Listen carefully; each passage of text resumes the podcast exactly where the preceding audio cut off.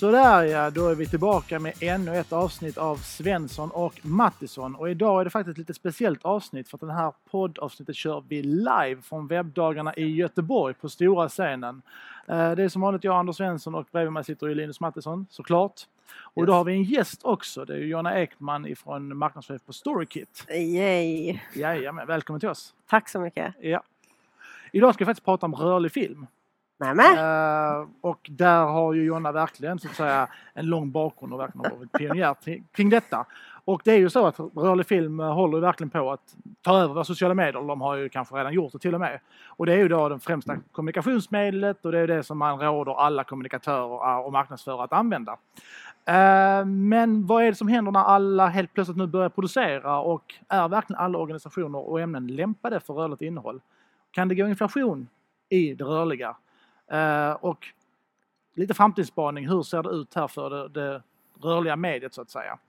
Och eh, Jonna, så att säga, du har ju varit med ända sedan starten eh, när rörligt innehåll tog över i sociala medier. ja, Och jag menar, KIT, som du har en bakgrund i, vet ju alla precis vad det är. Ja. Och eh, ni revolutionerade ju som kallt social video och fick ju hela Sverige att vilja börja göra KIT-filmer. Ja. Eh, berätta lite grann om din, din bakgrund så att säga. Vem är Jonna?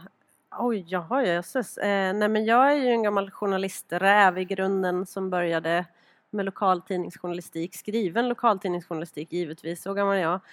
Eh, på Ålandstidningen på Åland där jag kommer ifrån. Eh, men sen tog jag mig över till Sverige och har jobbat på Aftonbladet Expressen, gjort en vända på TV3 som PR-person. Eh, och det jag brukar säga om det här är att jag har liksom insett genom alla de här yrkena jag har haft att bra historier är bra historier var de än kommer ifrån. Så att det faktum att jag sen gick över och blev marknadschef på Dåkit, idag Storykit, det har på något vis känts helt naturligt för det handlar så oerhört mycket om att hitta rätt historier och berätta dem för rätt person vid rätt tillfälle på rätt sätt. Oavsett. Spännande för det är ju liknande bakgrund som du och jag har Linus ju. Ja precis, precis. Vi, vi har ju journalister i grund och botten. Sen sadlade om och började jobba med kommunikation för, för några år sedan. Och så. Ja. Men om vi återgår till lite det rörligare så att säga. Mm. Varför har det exploderat verkligen de här senaste åren?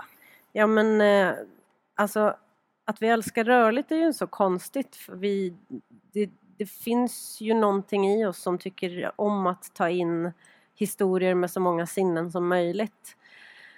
Och det som har hänt på senaste är väl dels det att sociala medier har liksom underlättat för en ny typ av video att finnas. Video behöver inte alltid vara någonting superavancerat, filmat, klippt och redigerat för hundratusentals kronor. Utan det kan vara någonting mycket, mycket enklare. Och dessutom så har det kommit fler och fler verktyg som gör att man kan göra video på ett mycket enklare sätt med mycket enklare medel. Man behöver inte, vi, alla har vi liksom en jättebra filmkamera i fickan i våra mobiler så man behöver inte köpa någon videokamera för 70 000 för att kunna filma sin första film. Alla de där grejerna sammantaget har ju gjort att vi just nu lever i en värld där väldigt många historier berättas i rörligt. Skulle jag säga. Du skulle beskriva resan det här där när KIT-film verkligen blev på Mm. tapeten någonstans. Hur, hur startade liksom allting och när kom du in i bilden så att säga? Ja, men jag började som marknadschef på KIT ganska tidigt. Eh, men den redaktionella resan som skedde då var ju att från början så var tanken att vi skulle göra journalistik framförallt i skriven form för att grunden i, in på internet är liksom skriven text. Eh, och vi vill ju också eh, göra en hel del ganska avancerade datainsamlingar och då och rörligt är ju svårt eller åtminstone har tidigare varit väldigt svårt att, att mäta konkret data på medan skrivet är enklare på massa olika sätt. Men väldigt fort märkte vi ju att video i sociala kanaler hade en helt annan impact. Vi hade en, en reporter som heter Viola Gadd som, som eh, länge tjatade om att så här, kan inte jag få testa göra, jag har några videoidéer, kan inte jag få testa, kan inte jag få testa och till sist okej vi testar. Och det där flög ju på ett sätt som ingen nog riktigt hade förväntat sig. Eh, och då föddes någonstans det som i folkmun sen har börjat kallas för kitvideo.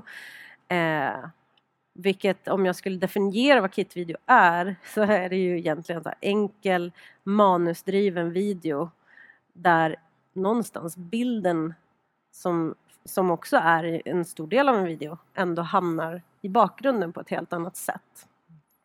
Men vad händer KIT nu? Det har varit lite om, omstruktureringar va? Ja, I, absolut. I, I bolaget. Vill du berätta om det?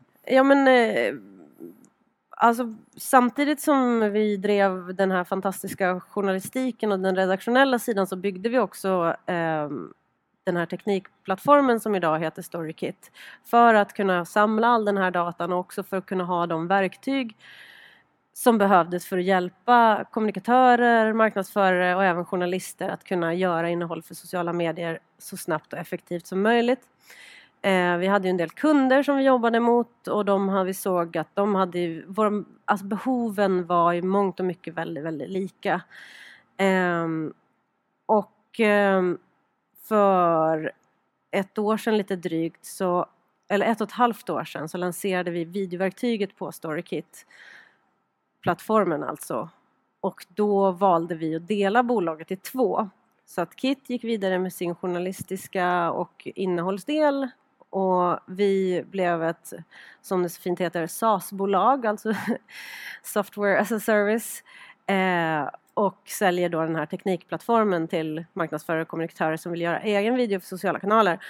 Eh, och Kit har ju sedan dess skruvat på sin affärsmodell väldigt mycket för att driva journalistik är kostsamt.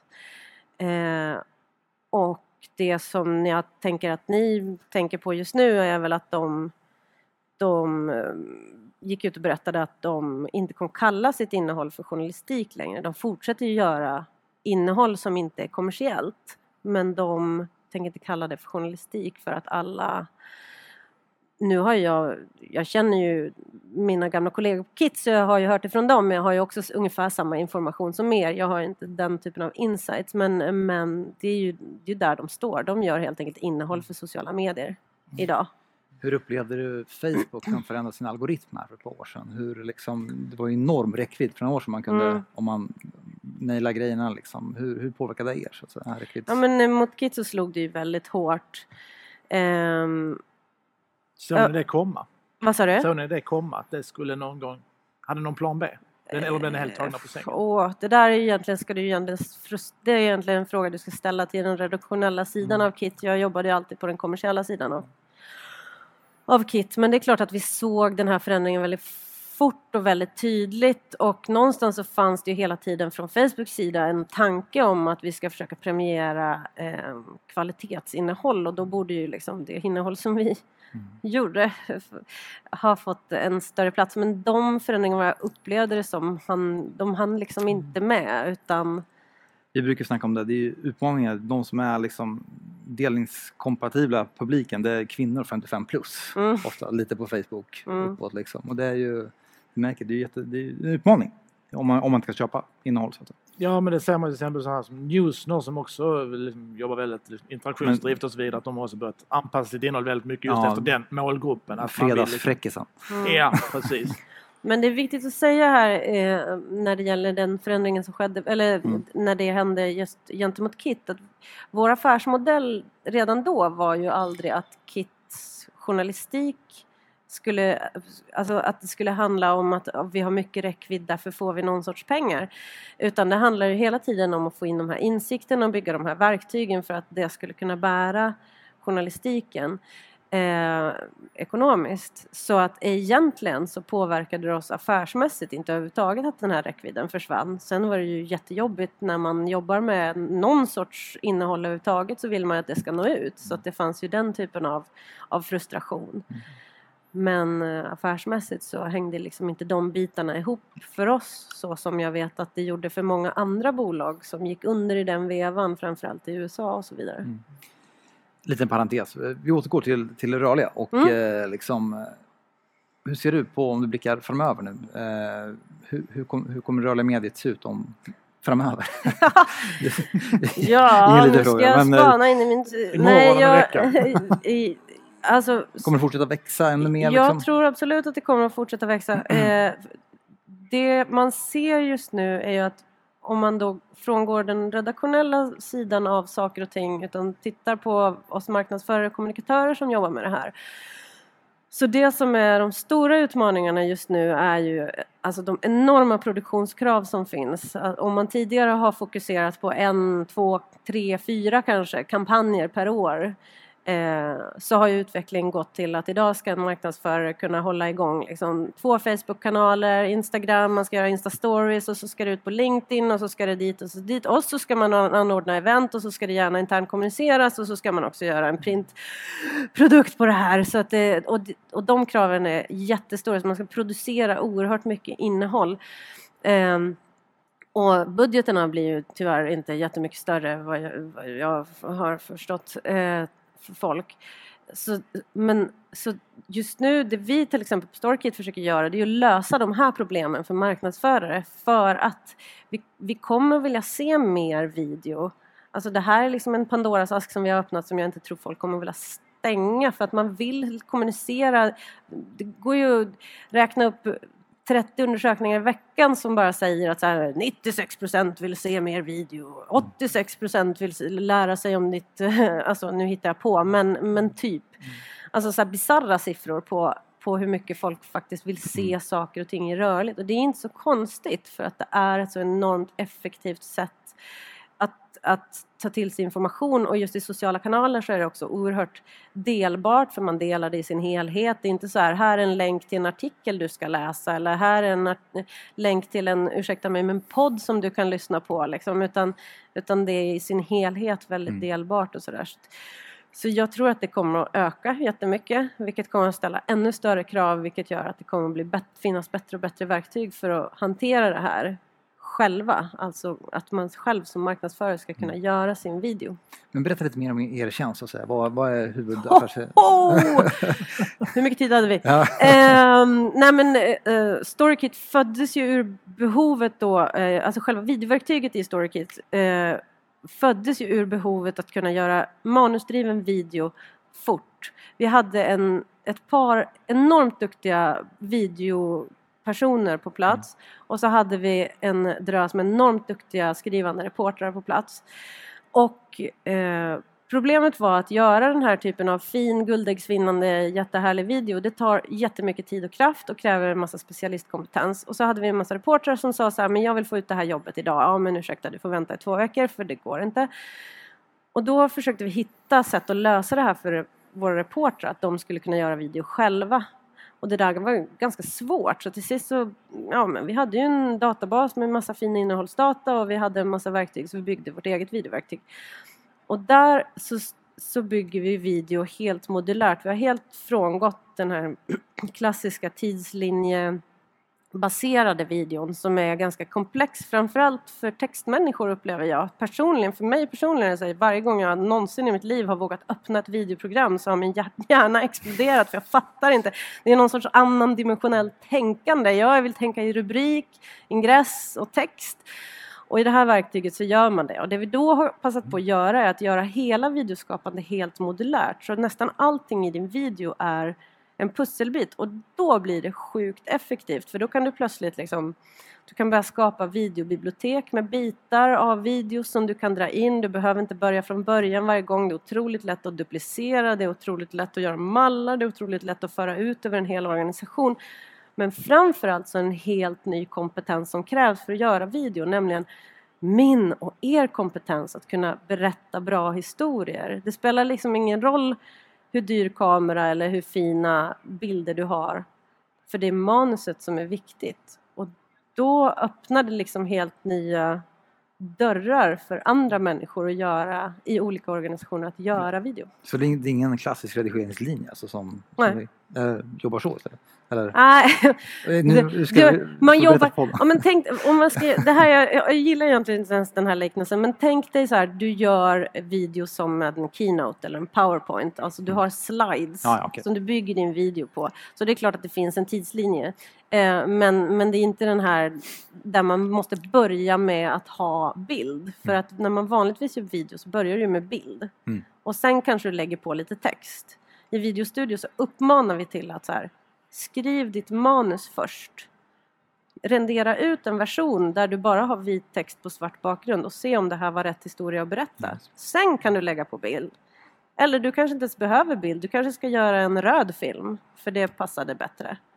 Eller liksom, tolkar lite som att det, det är lite så här hur en klassisk journalistisk text är uppbyggd fast man gör det på film istället för att det göra är det text. precis så Ja. det är verkligen. Eh, det märks att vår produktchef Fredrik Strömberg är också gammal journalist och innehållsmänniska.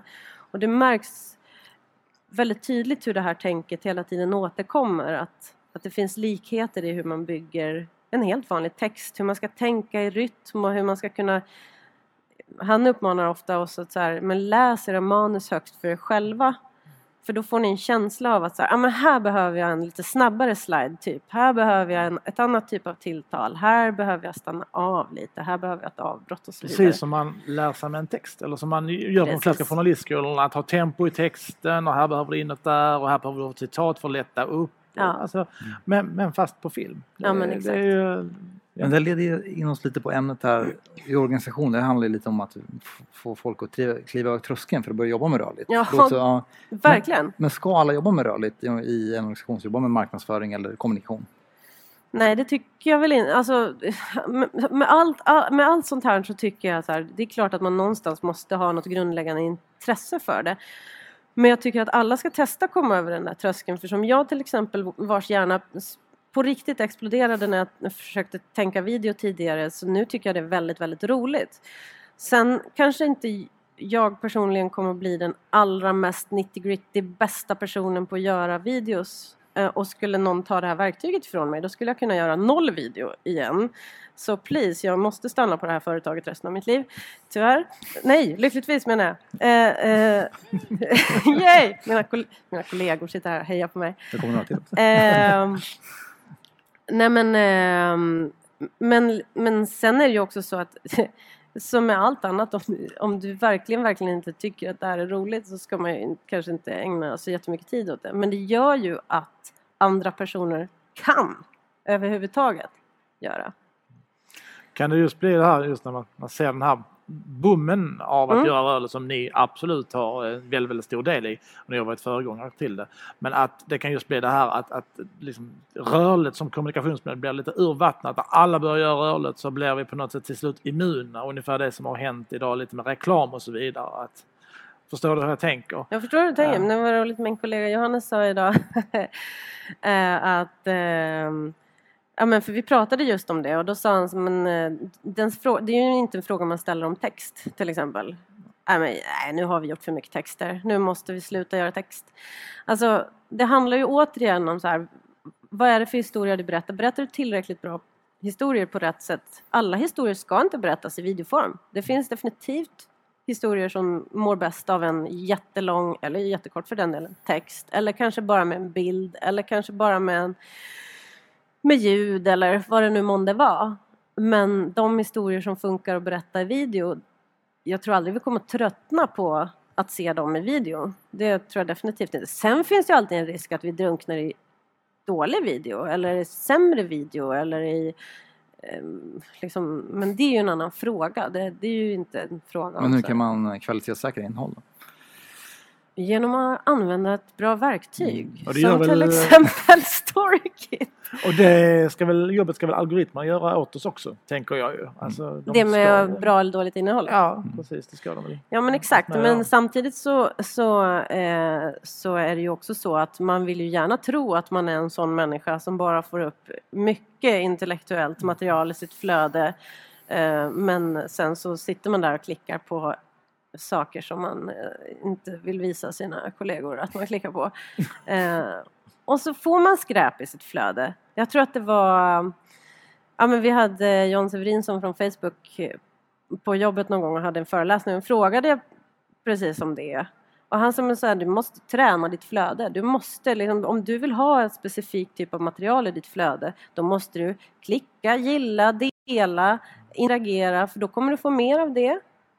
Och mindre av det här som du nu uppenbarligen säger att du inte vill ha. Men eftersom du uppenbarligen klickar och interagerar och delar det så får du skylla dig själv. Jag brukar säga det också någon jag brukar rekommendera folk att sluta med det här sympati-likandet hela tiden. Alltså lajka inte Ja. någon bara för att du vill vara schysst eller snäll utan lajka sånt du verkligen gillar. Alltså Ja. var ärlig med dina interaktioner. Ja. Men det är ju många som inte är det för det är liksom likar du mig så likar jag dig och så håller man på så någonstans. Eh, Jag tror också att det, algoritmerna reflekterar ju lite så här vad det är, alltså våra egna dåliga sidor någonstans. Mm, mm. De vet ju mer om oss än vad vi vet själva. Ja, det är nog, så ibland. är det. Kan du ge något konkret exempel? Säga, har ni stött på något sånt här, någon, någon företag eller organisation som där man kan säga att här lämpade sig bäst med att kommunicera med rörligt och här lämpade sig inte så väl. Ni kanske inte alls ska syssla med rörligt. Har du något sånt konkret exempel? Jag vet att det inte är kanske. Nej, jag har inget konkret exempel där vi skulle ha gått och sagt ni ska inte göra rörligt för Ja. jag... Det, Kan du komma på någon? Vad sa du? Alltså, Kan du komma på något? Nej, det liksom- kan jag, jag, tror, jag tror absolut att alla organisationer kan på ett eller annat sätt jobba med rörligt. Sen finns det säkert organisationer där marknadsföring på, an, i, på andra sätt funkar bättre men de kanske har ett stort behov av att jobba med interninformation i rörligt eller de kanske behöver bygga allt sitt kursutbud i rörligt. Alltså, eh, det finns ju så enormt många sidor i en, deras säljorganisation kanske skulle må bra av att få sätta liksom, grejer i video och skicka till sina kunder och så vidare. Det finns otroligt många delar av en organisation som kan jobba med rörligt och få hjälp av video. Att om man bara tänker så här, ja men det här ska vara reklamfilmer i sociala kanaler, då har man ju begränsat sig oerhört mycket. Det är en viktig poäng du kommer in också just att man behöver alltså använda rörligt. Och det är viktigt att förtydliga att det kan man använda internt. Och så det behöver inte vara de här glättiga virala filmerna utan det kan man också använda. För det är den insikten har vi också tagit i min organisation på Simrishamns kommun. Att just använda det internt för, för olika typer av så att säga, internutbildningar eller olika typer av dragningar och så vidare. Så att man, man spelar in alltihopa. Man har det som liksom, alltså varenda liksom, så här, mötessal vi har ska finnas en, liksom, en inspelningsbar film som man kan filma utbildningen. För att till exempel folk ska kunna gå, kunna gå in och titta i efterhand men också för de som är sjuka eller som absolut inte kan komma just den dagen. Mm. Också kan, det går inte till spillo liksom. Du måste inte vara där just den dagen för att annars missar du detta. Utan då sparar man det för framtiden. Så det är ju liksom ett nyttoverktyg också. Ja, där tror jag nästan att vi ligger lite efter i Sverige. Jag vet att vi hade någon eh, nu kanske jag hittar på, men jag tror att det var så här att vi hade en utbildning med några, några kunder som vi jobbar med i USA. Och sen så blev vi kontaktade och sa ja vi skulle vilja se det, vi skulle vilja se utbildningen. Och bara ja men vi, vi gjorde den över hangouts. Jaha men vadå spelade ni inte in? Alltså för dem var det helt självklart. Det var klart att ni spelade in och vi bara oj då, ja det, kanske, ja, det borde man kanske ha gjort. Mm.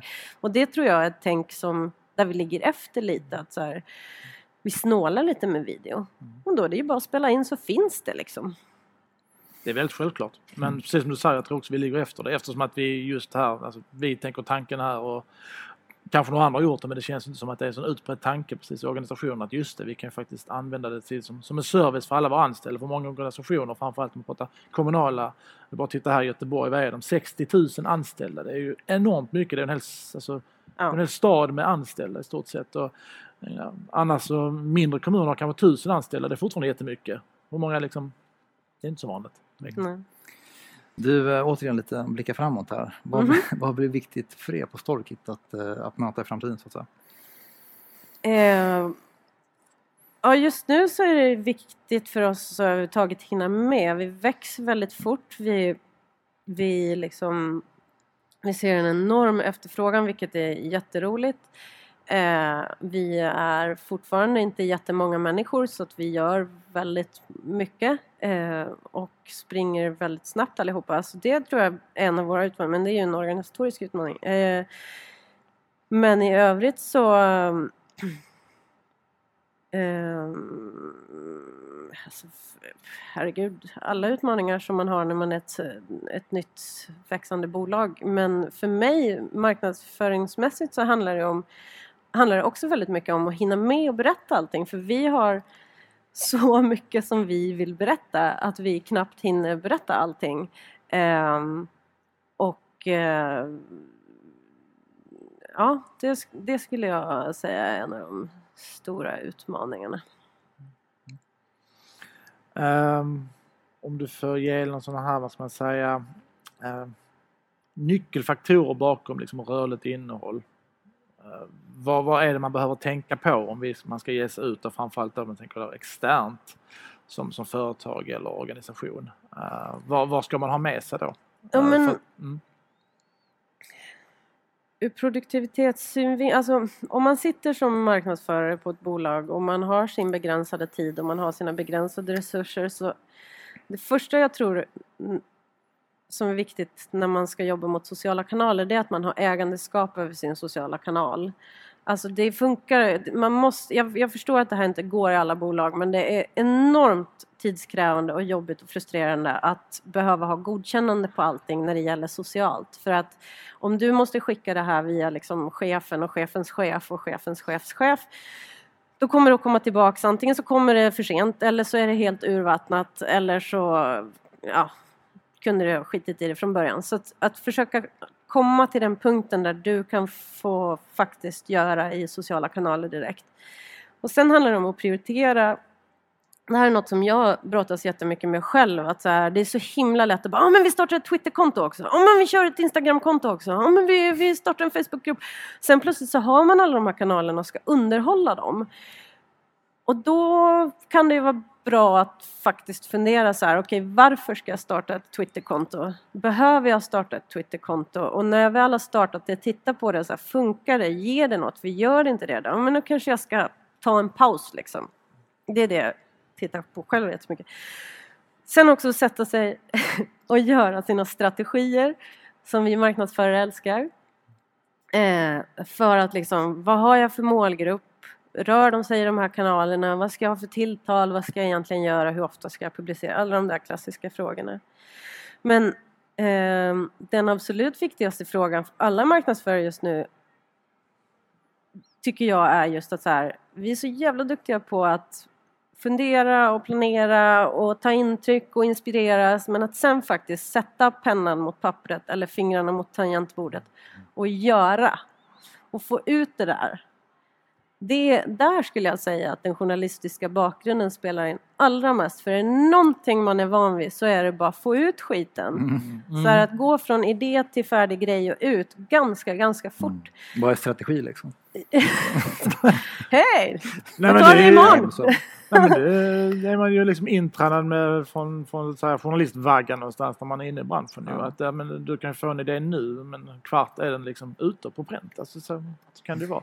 Så det behöver vara precis lika mycket som du sa att man ska göra strategier så är också vad man säga, det här det här spontana, nej, men där när man kanske på en, en kafferast på förmiddagen får en idé och sen är den verkställd på eftermiddagen. Ja. Att det inte är så himla långt spann att ja men så där borde vi kanske göra. Vi tar ett möte om det så tar vi ett litet möte till. Och sen det här planera ihjäl sig som vi ja. oftast tjatar om framförallt i offentlig sektor att man är väldigt duktig på att göra det.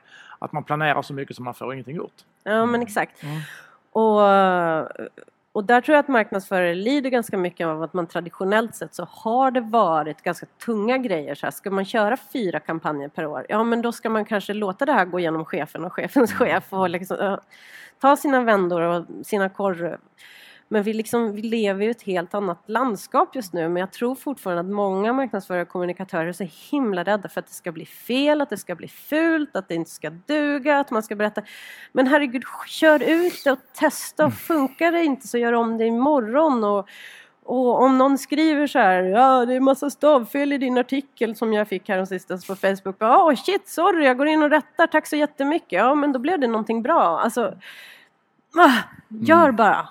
För det är mycket bättre än, eller det är i alla lägen mycket bättre än att inte göra alls. Fördelen med digitalt det är ju som sagt precis som sagt att man kan alltid korrigera och ändra i efterhand. Det var ja. värre då när det tryckta pappret var grejen att göra. Då kunde du liksom inte ändra. Det var den tryckte och distribuerade ut och du upptäckte ett fel. Så. Mm. Ja, det Sorry. tycker jag har varit kul mm. här på eh, det har varit några så customer experience människor som har pratat idag. Och det de har pratat om är just så här att, eh, att om man inte testar och frågar och så kommer det aldrig att bli bättre heller. Och det gäller i allra högsta grad all sociala medienärvaro. Du är aldrig bäst från början. All, din första post kommer aldrig att vara din bästa. För om den vore det, då vore det inte någon idé att göra något fler. Utan bara kör, bara kör. Du, vi ska strax avrunda här, men du mm. avrundar med frågan om du får ge tre konkreta tips på hur man lyckas med hantverket rörligt uh. innehåll när man sitter där? Eh, tre konkreta tips. Ja, har du fyra så får du jättegärna Ja. Eller ska inte har du ett eller två? Har du inget Ja, så- men det, det, det, ja, det allra viktigaste, egentligen så skulle jag säga, eh, egentligen har jag bara ett enda tips, men, men jag börjar med det så får vi se om jag kommer på några andra på vägen. Men det är ju fokusera på ditt manus. För i sociala kanaler så kommer du vara rökt om du inte har skrivit ett bra manus. Det spelar liksom återigen ingen roll hur fancy pansy bildmaterial du har där i bakgrunden. Om du inte har skrivit ett bra manus så kommer du att tappa dem.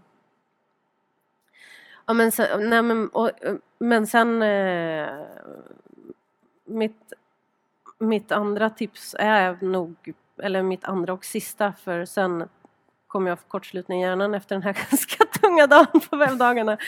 Eh, är nog just det jag sa, att så här, gör. Alltså om inte ett annat företag redan hade tagit taglinen Just do it så hade jag tagit den för det är väldigt mycket det det handlar om. Att gör. Våga göra. Kör bara kör. Är det några du tycker, en sista fråga här, som några som du fascineras av och tycker är väldigt, väldigt duktiga på det här med att använda rörligt innehåll? Förutom ni själva då. Jag är väldigt duktig på eh, Nej men jag tycker att många av våra kunder faktiskt är oerhört duktiga på det. Vi har jobbat med Stockholms stad till exempel från, ja men de var supertidiga på en av våra första kunder. Och de har ju liksom, det som är så häftigt med dem är att de har sin hemsida som har jättemånga miljoner besök i året. Eh, men de som kommer dit, de söker efter något konkret. Man går till Stockholms stads hemsida när, man, när barnen ska börja förskolan. Hur gör man det? Och det här med sophämtning, hur funkar egentligen det? Och sådär. Men Stockholms stad har ju enormt mycket andra saker att kommunicera. Men det funkar liksom inte att ha på hemsidan för det är ingen som går dit för att så här undra vad det har hänt i Stockholms stad idag. Eh, därför jobbar de mycket i sociala kanaler och då har de hittat jättebra sätt att jobba med video på LinkedIn och på Facebook och där kan de berätta allt ifrån så här nu är, isen, nu är isbanorna i Stockholm öppna för nu är isen tillräckligt tjock. Eller Eh, nu utbildar vi 250 ny, eller 2000 nya ordningsvakter i Stockholm. Alltså den typen av historier. Och de är väldigt duktiga på att tänka liksom hur ska vi få de här budskapen lokala? Hur ska vi få de här budskapen återigen till rätt person vid rätt tillfälle? Och sådär. Så ja, men Stockholms stad skulle jag säga är jäkligt duktiga. Sen finns det ju massor med, med företag som jobbar bra med video. Men om jag får nämna ett. Jag var faktiskt på studiebesök hos Stockholms stad just av den anledningen att vi tyckte att de hade tänkt väldigt, väldigt rätt. Dels kring det här med som man pratar om mycket offentligt sett om medborgarresor, alltså just det här, det är väl här samma med kundresor man pratar om, men just att ge service och information. Mm. Dels, dels på hemsidan ju att, att informationen finns där när de behöver den men också det här hur kan du liksom utanför hemsidan berätta om andra saker och så vidare. Ja, Eh, och vi hade ett väldigt bra utbyte där för vi hade ju många insikter som, som de tyckte var väldigt spännande och så vidare och som de inte hade tänkt på. Så det blev väldigt, ett väldigt bra studiebesök tyckte jag. Men vi fastnade just för Stockholms stad just för att vi tyckte ändå att de hade tänkt lite grann kring det här med, med kundresor eller medborgarresor som det ju heter. Ja, det är där är rätt spännande för kommunikatören har ju varit lite under i någon sorts korseld på sistone. Skrivits en del om att så här, ja, varför, ska, varför ska kommunerna ha en massa, eller städerna, eller varför ska man ha en massa kommunikatörer? För mig är det ju, när, när jag ser det, det jobb som Stockholms stad gör så är det, för mig är det helt uppenbart. Det finns otroligt mycket som kommunen ska, kan och bör informera sina eh, eller staden i det här fallet, eh, eh, sina medborgare om. Det är ju deras förbenade plikt. Och sen finns det en massa skojsigt också som jag som Stockholmsboende annars hade missat om, inte jag hade, om de inte hade berättat det för mig. Så att Mm. jag, jag har lite svårt att förstå den här jättekorselden som de just nu Det är väldigt viktigt att påpeka att men- kommunikatören faktiskt, precis som du säger, har en demokratisk plikt, ett demokratiskt uppdrag att Ja. fylla. Det glöms sällan bort och det är värt att understryka faktiskt. Ja. Det är det. Så att, eh, spännande. Ja, Ja. superspännande. Vad kul att du kunde ta dig tid och vara med i vår Ja, relativt nyetablerade podd. Så. Superkul. Om man vill följa ert och framförallt ditt arbete, var Ja. eh, ska man vända sig då bäst? Ehm, ja, alltså dels har vi en, en Facebookgrupp som heter Video i sociala medier eh, som man jättegärna kan gå med i även om man inte är kund men då får man stå ut med att det kommer en, en del, eh, en del StoryKit interna släpp och sådär men det kan ju också vara kul för att ofta så lär man sig rätt mycket om video överlag genom dem upplever jag. Ehm, men sen har vi ju givetvis Facebook-kanaler och LinkedIn-kanaler och jag har också gjort den här fina missen att starta ett Twitter-konto som jag inte är hundra på vad jag ska göra med och ett, link- eh, ett Instagram-konto som min kollega Mikaela tjatar på mig. Du måste lägga upp något där! Så det kan man också följa oss. Eh, Och sen får man jättegärna adda mig på LinkedIn om man... Jag heter Jonna Ekman på LinkedIn, det är inte så konstigt. Så Får göra. Super.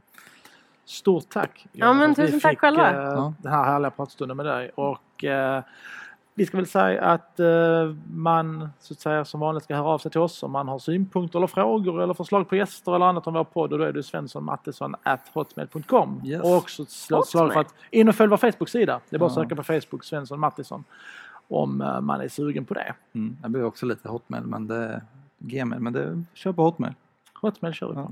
Det är the shit. Och stort tack till webbdagarna ja, för att vi fick vara tack! här och tack till alla som varit här och lyssnat också. Vi hörs igen eh, med vår podd om uh, onsdag vecka. två veckor igen. Yes. Ha det gött! Ha det bra. Tja. Hej. Hej. Hej.